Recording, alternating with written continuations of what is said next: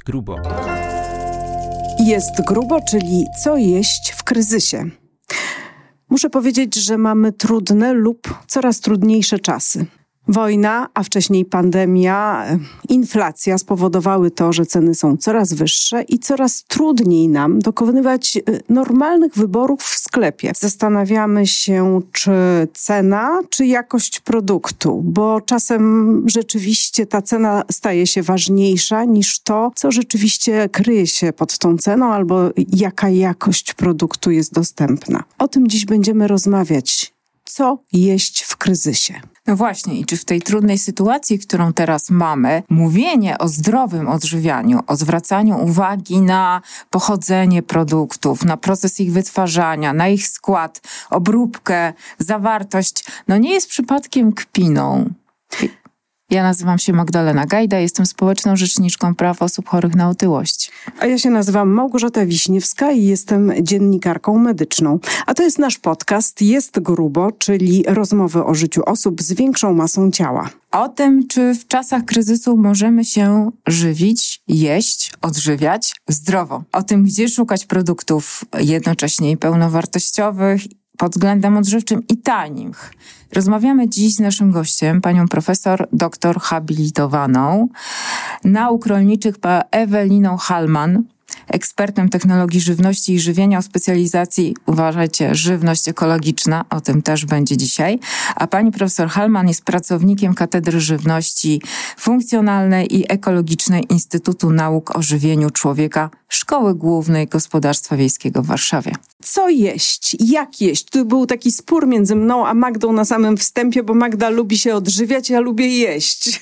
czy jeść, czy się odżywiać? Ja pogodziłam obie strony, powiedziałam, że możemy i jeść, i się odżywiać, chociaż w dobie kryzysu, w sytuacji, w której się znaleźliśmy, musimy bardzo rozsądnie podejmować nasze decyzje. A bardzo wiele osób ma problem z tym i no niestety pieniądze są oglądane teraz z każdej strony. Musimy zadecydować, czy ogrzać dom, czy kupić jedzenie. Jakie jedzenie? Jakie jedzenie? Oczywiście z punktu widzenia mojego zawodowego zawsze będę stała na straży jakości żywności, czyli żywimy się i dokonujemy mądrych wyborów. Bo jednak to, że sięgamy po tanią żywność, która niestety jest w naszym dostępie, czyli w sklepach, znajdziemy zawsze tanie konserwy, tanie produkty, tanie mięso. Pieczywo, Pieczywo. najtańsze, prawda? Oczywiście. I różne fajne, które tak I łatwo... Zapychacze. Zapychacze. Tak, niestety to obróci się przeciwko nam, prędzej czy później. To jest mniej więcej taka sytuacja, jak ja zawsze tłumaczę swoim studentom, bo też oczywiście w cyklu wykładów o żywności ekologicznej padają pytania, no ale przecież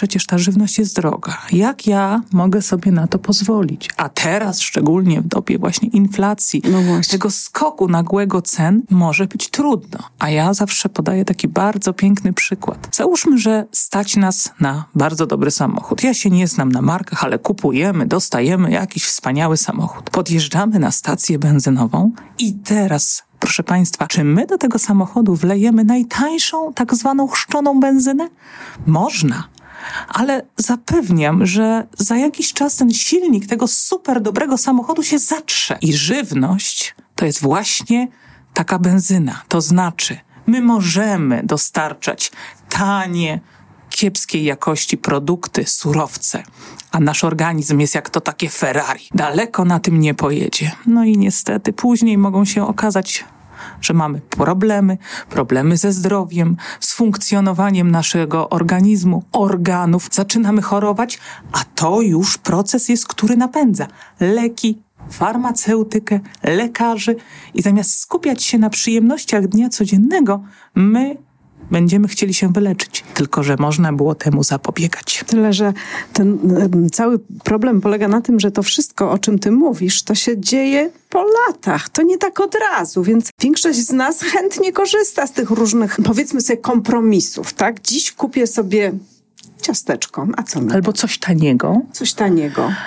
I nic nam się nie stanie, bo my to zjemy i będziemy się dobrze czuć. A czasami wszystko nawet... jest dla ludzi przecież, Tak, nasz prawda? mózg nam powie, ojej, fajnie, to przyjemne, to jest dobre, to mamy ten oto to, Że wszystko jest na, dla ludzi, to ja ciągle słyszę, jak ktoś mnie namawia na coś, tak. a ja się bronię, bo wiem, że nie powinnam. No daj spokój, no co będziesz się tak całe życie bronić? To wszystko jest dla ludzi. Ale potem nagle, no oczywiście, nasz organizm jest cudem natury. Mamy nerki do oczyszczania krwi, mamy wątrobę, która stoi na straży naszych toksyn.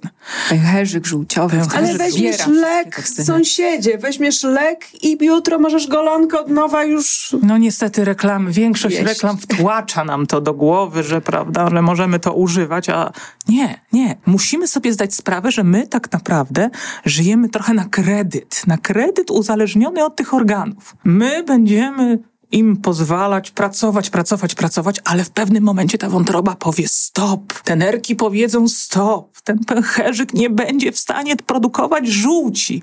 I co? I w tym momencie zaczyna się problem. Zaczyna nas boleć, czujemy niestrawność, czujemy problemy te trawienne, a może być gorzej, bo mogą się rozpocząć procesy nowotworowe. I nagle zdajemy sobie sprawę, nigdy w rodzinie nie było nowotworu, trzustki, wątroby, jelit, a ja nagle choruję. Jak to jest możliwe? No niestety. Ale co chcesz powiedzieć, że nowotwór wątroby, trzustki, żołądka, to wszystko na to Mo, pracujemy. Na to, na to pracujemy latami. I, ale ale tym, co jemy tak. właśnie, tak, to, to nie jest tak. tak. że to się bierze e, Owszem. z genetyki, ze zanieczyszczenia genetyczne, powietrza. Styl życia, a styl życia to też żywność, to jedzenie. I to są nasze wybory. To potem odbija się na całokształcie. Czasem jest tak, że przyglądam się ludziom, u których widzę ewidentne e, błędy żywieniowe. Ewidentne, bo widzę, jak te drożdżówki wsuwają latami całymi i nic im się nie dzieje. I teraz sobie możemy zadać pytanie, no on je. To ja, ja, nie mogę? To ja nie mogę, to ja też sięgnę. No. I w tym momencie mamy ten dysonans, prawda? To niezadowolenie. Ale naprawdę, każdy inteligentny człowiek, jeżeli już pozna ten mechanizm, powinien zrozumieć, że jednak, tak jak powiedziałem, żyjemy na kredyt. Nie naciągajmy tej struny, bo w pewnym momencie ona pęknie. Chyba możemy zdradzić Twoją tajemnicę, bo wiesz, o czym mówisz, Ewelina, ponieważ Ty sama miałaś doświadczenia. Ja e, nadal choruję na otyłość. To jest... Podobno się na to choruje, tak jak Magda choruje. mówi. E, przez całe, przez życie, całe życie, przypominam. No tak. właśnie. E, z uzależnieniem od jedzenia jest chyba jeszcze gorzej, tak się zastanawiałam kiedyś, niż z innymi uzależnieniami. Alkohol, papierosy. Bo nie możesz narkotyki. tego odstawić. Bo ja tego nie mogę odstawić. My musimy jeść, żeby żyć. W związku z tym jesteśmy w gorszej sytuacji, bo nasz mózg będzie cały czas nam mówił: jesteś głodny, zjedz, musisz mieć energię. No niestety, e, otyłość jest przekleństwem XXI wieku. Mamy z tym problem w naszym społeczeństwie i jeżeli już nie dajemy sobie rady, bo dochodzimy do ściany, trzeba sięgnąć po te drastyczne środki, jakim jest operacja bariatryczna. Zdradzisz nam e, swoją historię, swojej Oczywiście, że tak. Ja byłam pulchnym dzieckiem od samego początku, jak pamiętam. Nawet moja mama mi kiedyś powiedziała, że przyłapywała mnie, jak wyjadałam ziemię z kwiatów. Ja nie byłam głodzona w domu, w domu zawsze jedzenie było. Więc to znaczy, że w moim mózgu musiało coś się dziać, co powodowało, że ja chciałam jeść i jeść i jeść. Ja Byłaś nie czułam, wiecznie głodnym Byłam dzieckiem? wiecznie głodnym. Ja nie odczuwałam tego jako silnego parcia, tego, tego ściśnięcia żołądka, że muszę zjeść, ale ja lubiłam jeść. A że w mojej rodzinie jedzenie było celebracją, było taką przyjemnością. Ja to kojarzyłam z tym, z tą przyjemnością. W związku z tym, no, niestety ta waga zaczęła iść w górę. I to była wieczna walka, wieczne diety, poszukiwania, coraz to nowych, a to głodówki, a to różnego rodzaju terapie. No i owszem, dwa, pięć, dziesięć kilo, maksymalnie to pamiętam, to było nawet pięćdziesiąt kilo. Udało ci się tak, bez operacji, bez mhm. operacji, to były lata dziewięćdziesiąte, ale doprowadziłam się do wyniszczenia organizmu. Głodując. Głodując. To było głupie, to było niepotrzebne i potem efekt jojo zapukał do drzwi bardzo szybko, bo niestety wszystko to wróciło jeszcze z nawiązką. No i przyszedł taki moment, że niestety ta masa, a to było prawie 145 kg. No dodajmy, że jesteś wysoką osobą. Jestem wysoką, ale to nie miałam też, powiedzieć, ale tego to nie widzicie, troszeczkę ale to jest bardzo wysoka kobieta ale tutaj to z nami mnie usprawiedliwiało tak negatywnie. Ty jesteś wysoka, więc musisz być postawna. O tak słyszałam. No dobrze. I to gdzieś tam z tyłu głowy było, tak spływało po mnie i ja tak sięgałam po kolejne właśnie drożdżówki, po Coca-Colę, bo to były lata 90., kiedy ten produkt wszedł na rynek, a ja uwielbiałam Coca-Colę. I na przemian było Coca-Cola, chipsy, Coca-Cola, chipsy, zagryzałam czekoladą, a oprócz tego ćwiczyłam prawda? Bo e, wysiłek fizyczny, bo tu wiedziałam, że to musi być ten, ten, ten wysiłek fizyczny. No i mój rower ukochany, który, prawda, już od 25 lat towarzyszy mi niemal każdego dnia. I nie rozumiałam, dlaczego ja jestem otyła. Nie, nie, nie łączyłam tych faktów ze sobą. Później doszedł jeszcze efekt wegetarianizmu, ale też tak zwanego głupiego wegetarianizmu. Odrzuciłam całkowicie mięso, nie zastępując go ekwiwalentem białka roślinnego. Tu ewidentnie brak wiedzy. To co robiłaś w takim razie? Jeżeli odrzuciłaś mięso, to co w to miejsce jadłaś? Głównie warzywa. Aha. I to nie były warzywa strączkowe, tylko warzywa właśnie takie... A to byłaś głodna, rozumiem, tak? To I tak, i to powodowało to napędzanie takiego tego błędnego koła. Im więcej jadłam warzyw, tym szybciej byłam głodna i tym więcej jeszcze tego jadłam. Ja potrafiłam, no, w chwilach swojej świetności zjeść sałatkę. To była moja ukochana, zresztą do tej pory jest, ale teraz jest w skali mikro. Wtedy to była super makro, sałatkę zrobioną z y, prawie pół kilograma pomidorów, dwóch takich olbrzymich ogórków szklarniowych i prawie kilograma małosolnych. No Ewelina, ale nie powiesz mi, że to musiało się gdzieś odkładać. No przecież to No są... to przecież to wszyscy twierdzą, Wszyscy że to jest mówią- niemożliwe, żeby ktoś, kto jadł, je warzywa super zdrowe, chorował na otyłość. No to Tak. teraz wytłumacz, jak Wytłumacz, to się jak to się stało. dzieje, bo ja też nie rozumiem. Mi się wydaje, że to można bezkarnie jeść kilogramami. No nie. No nie? No nie. No właśnie nie, bo trzeba zoptymalizować białko, tłuszcze i węglowodany. Warzywa to głównie węglowodany i błonnik. Przerwę, ale przypomniałam sobie taką sytuację, kiedy tłumaczyłam e, już po raz kolejny mm, i zrzymam się za każdym razem, kiedy słyszę właśnie o, tej, e, o tych zaletach diet warzywnych i tak dalej, że nie można wciskać ludziom, przepraszam, takiego kitu, że jak będą jedli marchewkę, to schudną, no bo nie schudną. Nie schudną. Nie, my jesteśmy zbudowani z białka. Mięśnie to jest białko. I teraz, jeżeli wyrzucimy ten element budulcowy, białko to też enzymy. To enzymy, to hormony razem z tłuszczem. I jeżeli teraz, no, warzywa są niskokaloryczne, czyli niskotłuszczowe, pozbawione białka, zawierają tylko węglowodany, błonnik, witaminy i związki bioaktywne. Teraz jestem mądra, bo teraz to wiem. Wtedy nie wchodziło mi to do głowy.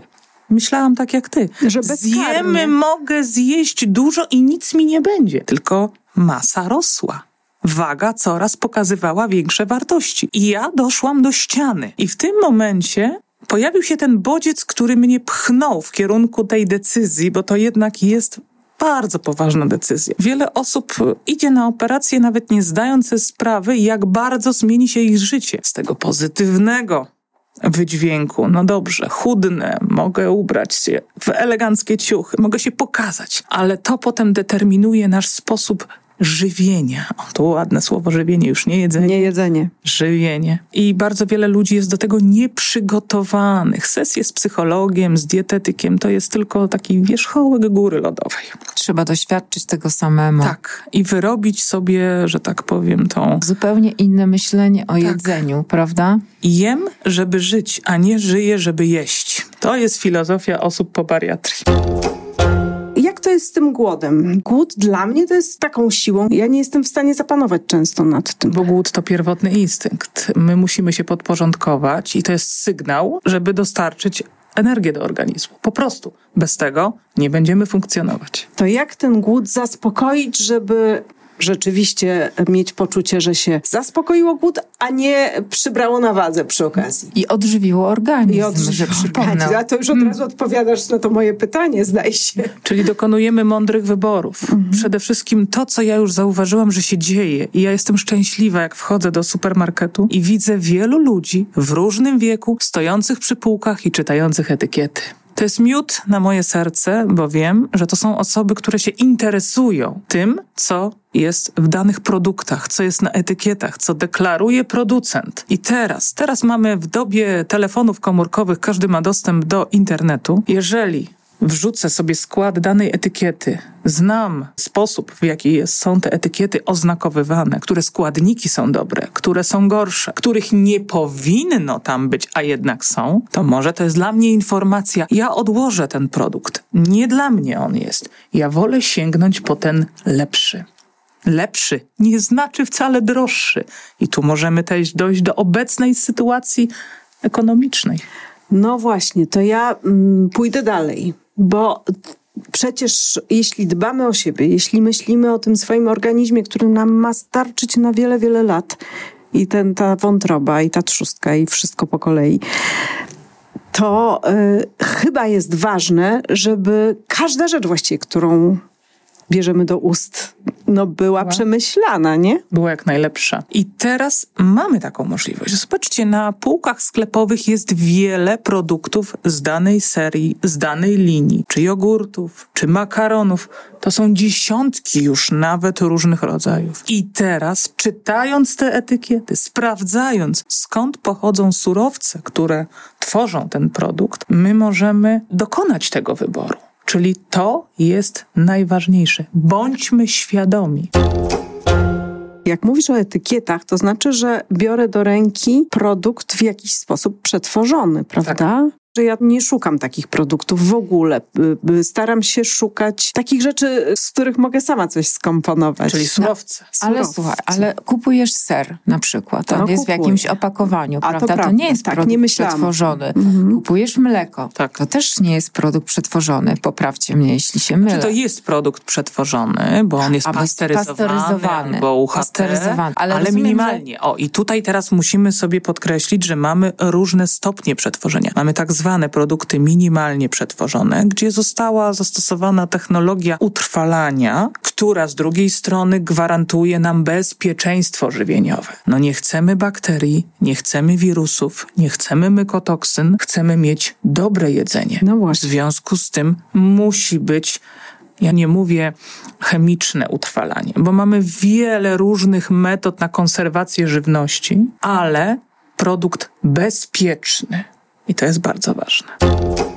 Głód. Wracam uparcie do głodu. Jak poradzić sobie z głodem? Jak zaspokoić głód albo jak oszukać. Teraz y, jest taka pora roku, kiedy ja, ja na przykład jestem ciągle głodna i ciągle się zastanawiam, Boże, może ja jednak pójdę do piekarni, kupię sobie coś dobrego. Jak to zrobić, żeby oszukać głód? Może nie oszukać, ale umieć nad nim zapanować. I to jest troszeczkę to, czego my przed operacjami bariatrycznymi nie potrafiliśmy, bo niestety fizjologia nam na to nie pozwalała ze względu na rozciągnięte żołądki. Musimy zdać sobie sprawę, że żołądek jest mięśniem, on się rozciąga. W związku z tym, jeżeli my jemy olbrzymie porcje, to jednak ten mięsień będzie się rozciągał. Natomiast osoby, które no, mają normalne te żołądki, to tutaj, żeby zapanować nad tym głodem, zwykła rada mniej, ale częściej. Czyli jeżeli mamy 12 godzin dnia, to nie jemy dwóch dużych posiłków rano i wieczorem, to też mnie gubiło, bo ja potrafiłam przez cały dzień nic nie jeść, a potem przychodziłam do domu, otwierałam lodówkę i było hello. I było wygarnianie jak leciało. Ale to były same warzywa. No ale przecież usprawiedliwiała. A poza tym, y, słuchaj, czy to nie jest tak, że bilans energetyczny dnia ci się zgadzał? Y, bilans się zgadzał, ale obciążenie i to trawienie dla żołądka absolutnie się nie zgadzało. No bo rano, powiedzmy, małe śniadanko, cały dzień, czyli 10 godzin prawie nic, to jak ten organizm, jak ten mózg miał działać? Nie miał energii. prawda? Nie miał czego trawić. I potem nagle to tak jakbyśmy wzięli i tak mocno wypchnęli całe to, tę żywność, która była zaplanowana na te 12 godzin w ciągu pół godziny. I to się kończy bólem głowy. Tak, żeby tylko bólem głowy. A ja zadam inne pytanie. A jak sobie poradzić z apetytem? Apetyt to już jest gorsza sprawa, bo to jest związane z chęciami, z naszymi zachciankami, z pewnymi sytuacjami emocjonalnymi. Bo na przykład wiemy, że czegoś nie możemy, nie powinniśmy, a mamy na to straszną ochotę. Ja bym jeszcze już dodała sytuacjami towarzyskimi. Też widzimy innych jedzących, innych pijących i nagle my też chcemy być częścią tej grupy, te, tego małego społeczeństwa. Dlaczego ja mam nie sięgnąć? Nawet idźmy dalej z pewnymi tradycjami. Jeszcze gorzej, bo wiemy, że coś się zjada danego dnia. Na ja przykład te- w Wigilię, prawda? Kapusta z grzybami, pierogi. Kutia. To ja nie zjem? Ja zjem. No przecież po- 12 trzeba spróbować. Potraw. No właśnie, Ktoś jak, to sobie- wymyślił. jak sobie z tym poradzić? Czy spróbować te 12 potraw? Tak już jest skoro o Wtedy świętach. faktycznie można, tylko dwa pierogi, nie dwadzieścia. Dwie łyżki barszczu, nie pół wielkiego garka. Dwie kostki, trzy kostki śledzika. Czyli to wszystko zależy od naszej głowy. Mniej, wolniej celebrujemy. Jeżeli ta wigilia jest raz na rok, to nie wpadam w te pierogi i w te uszka i w, ten, w tę kapustę z grochem, tylko jem po trochu. Smakuje. Ja bym jeszcze wróciła na moment do tego tematu mm, zakupów, czyli zanim coś zjemy, bo mówiłaś o czytaniu etykiet, ale nie wszystkie produkty, które kupujemy, te etykiety mają. Na przykład mięso, e, warzywa, owoce. Ja bym jednak chciała, e, tutaj się upomnę o jakieś praktyczne wskazówki, skoro już z tobą rozmawiamy, skoro jesteś specjalistką od żywności też ekologicznej, gdybyś nam mogła podpowiedzieć, w jaki sposób taką żywność kupować, Bo czym często- się kierować? Bo często ekologiczny znaczy dwa razy droższy. Tak, no niestety, ja nie będę tego ukrywała, ale zaraz powiem dlaczego. Natomiast jeśli chodzi o surowce, bo na przykład mięso czy wędliny już jako produkt, one mają etykiety. Tylko my, jako konsumenci, ich nie widzimy. Bardzo często boimy się zapytać. Podchodząc do lady z wędlinami, każda leżąca wędlina ma etykietę. Dodatkowo, co jest jeszcze ciekawe, osoba sprzedająca, ona ma wręcz taki cały skoroszyt od poszczególnych producentów, gdzie każda wędlina ma opis Metryczkę. składowy. Wystarczy zapytać. Pani mnie nie skrzyczy, pani mnie nie ma prawa powiedzieć nie. Wręcz odwrotnie, ona mi na moje żądanie powinna w każdej chwili udostępnić tę etykietę. Tylko o co pytać? O wszystko, co tam jest w składzie. A przede wszystkim, jeżeli mówimy Na co uważać w o wędlinach, bo od tego wyszłyśmy, ile tam jest mięsa? Ile mięsa jest w kiełbasie? Ile mięsa jest w szynce? Ile mięsa jest w mięsie? Dokładnie. Ile dodatków? Oczywiście czasami mamy przegięcie w drugą stronę. Ja bardzo często jak podchodzę do lady, bo robię zakupy mięsne, bo mój partner jest mięsożercą, znaczy to tak się mówi ładnie, omnivores, czyli jedzący wszystko. W związku z tym czasami tym przegięciem jest, że producent albo sprzedawca, nie producent, etykietuje nam każdą kiełbaskę czy każdą szynkę z napisem bez konserwantów, bez fosforanów, bez glutaminianu sodu. Bierzemy tę etykietę i czytamy. Ekstrakt drożdżowy, ekstrakt białka drożdżowego. Co to jest? Glutaminian sodu, tylko napisany inaczej. Bardzo dobry chwyt. Oczywiście, To, zawsze ale to, to trzeba wiedzieć. A propos tego jeszcze, no żadne wędliny w tej chwili fosforanów nie, za, nie zawierają. Czyli jeżeli ktoś nam napisał bez fosforanów, napisał prawdę. Tylko, że to Rozumiem. jest zbędna informacja. O, to ja mam taką zaprzyjaźnioną panią w jednym ze sklepów dużej sieci handlowej i ona mówi, dzisiaj mam szynkę bez fosforanów, zapraszam. Każda szynka jest bez fosforanów. Już teraz wiem, że to jest tylko dobry Chwyt. A co z warzywami, owocami? No, z warzywami będzie trudniej, no bo tu faktycznie warzywo jest surowcem, czyli jest tym pierwotnym elementem produkcji. No i teraz zależy, gdzie kupujemy te warzywa, te owoce. Ja wyznaję zasadę: żyjemy tu odżywiamy się lokalnie.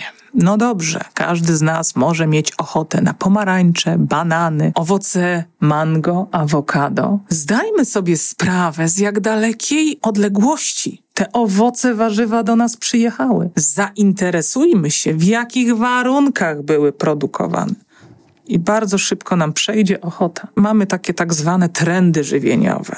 No i pojawiają się tak zwane novel food, czyli żywność nowa. Ja mam wtedy bardzo dużo, duży ubaw w takiej sytuacji i pamiętam e, moment, kiedy na naszym rynku pojawiły się nasiona chia. Świat zwariował. Wszyscy używali nasiona chia do wszystkiego, no twierdząc, że jest to dobre, bo to jest taki środek żelujący i taki, prawda, e, do A jednocześnie właśnie świetnie za, zaspokajający tak, głód. Dokładnie, bo wypełnia nam żołądek. Okazuje się, że my mamy nasz polski len. Nasiona lnu są rewelacyjne, a pod względem składu kwasów tłuszczowych są o wiele lepsze niż nasiona chia. I wykorzystywany w polskiej kuchni od niepamiętnych od czasów. Niepamiętnych to ja muszę coś powiedzieć, bo nie wiem, czy to prawda, czy mit. E, moja babcia zawsze mnie przestrzegała przed piciem e, wody z wywaru z siemienia lnianego. Mówiła mi uważaj, uważaj, bo to mm, potęguje głód.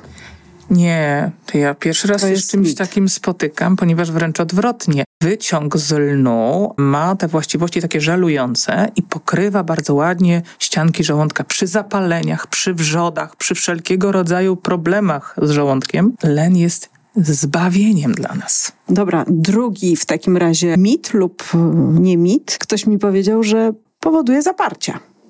Pierwsze słyszysz, czy Pierwsze może słyszę? to być... Yy... Pierwsze słyszę? No na pewno ścina nam masę kałową, no to też może w zależności od tego, ile się tego skonsumowało. To też musimy pamiętać, że wszystko musi być z umiarem i z głową. No nie można teraz nagle tylko rzucić się na ten len i tylko, prawda, ten len używać. Jak jeść ten len? Po prostu prażony czy mielony? Może być prażony, może być mąka lniana, która po naciągnięciu wodą taka się robi właśnie galaretowata. Ona jest tym wypełniaczem. Można parzyć len i nawet pić tą wodę właśnie polnie. Bardzo dobre rozwiązanie. Bez efektów ubocznych. Bez efektów ubocznych. No to ja zadam trzecie pytanie. Czy to prawda, że od siemienia lnianego się przybiera na wadze? No i teraz uważajmy. Tam są kwasy tłuszczowe. A kwasy tłuszczowe to jest tłuszcz. Oczywiście to są dobre kwasy tłuszczowe, ale tak jak powiedziałam, wszystko z umiarem. Gdzie szukać tych dobrych produktów i jak je wybierać? Mówimy o owocach i warzywach nieetykietowanych. I teraz tak, możemy kupować. Większość z nas niestety żyje w pośpiechu. Każdy uważa, że ma mało czasu, chociaż ja zawsze się śmieję, że każdy z nas ma 24 godziny i to są dokładnie te same 24 godziny. To kwestia zaangażowania i wykorzystania tych godzin. Ale poświęćmy troszkę więcej czasu na pójście na bazarki, na targowiska, gdzie sprzedają producenci. Ja nie mówię o pośrednikach, o handlarzach. Producenci. Producenci będą odpowiedzialni za swoje warzywa, swoje owoce i oni no, mają tą większą etyczność w stosunku do konsumenta. Bo też, proszę Państwa, no jest, mamy coś takiego jak nawiązywanie emocji z osobą kupującą, sprzedającą. To prawda. I w tym momencie, jeżeli mamy zaufanie do naszego producenta, a wybraliśmy sobie dwóch panów, dwie panie gdzieś na bazarku, to zawsze mamy ten poziom zaufania. Oczywiście od ich etyki zależy, czy będą spełniali te nasze warunki, czy nie. Czyli ja bym była za tym właśnie za bazarami, targowiskami albo bezpośrednio do producentów. Bardzo modne są teraz tak zwane kooperatywy i grupy konsumenckie, gdzie ludzie się skrzykują, to właśnie też takie troszeczkę nawiązanie do tego zarzutu, który jest oczywiście prawdą. Żywność ekologiczna jest droższa.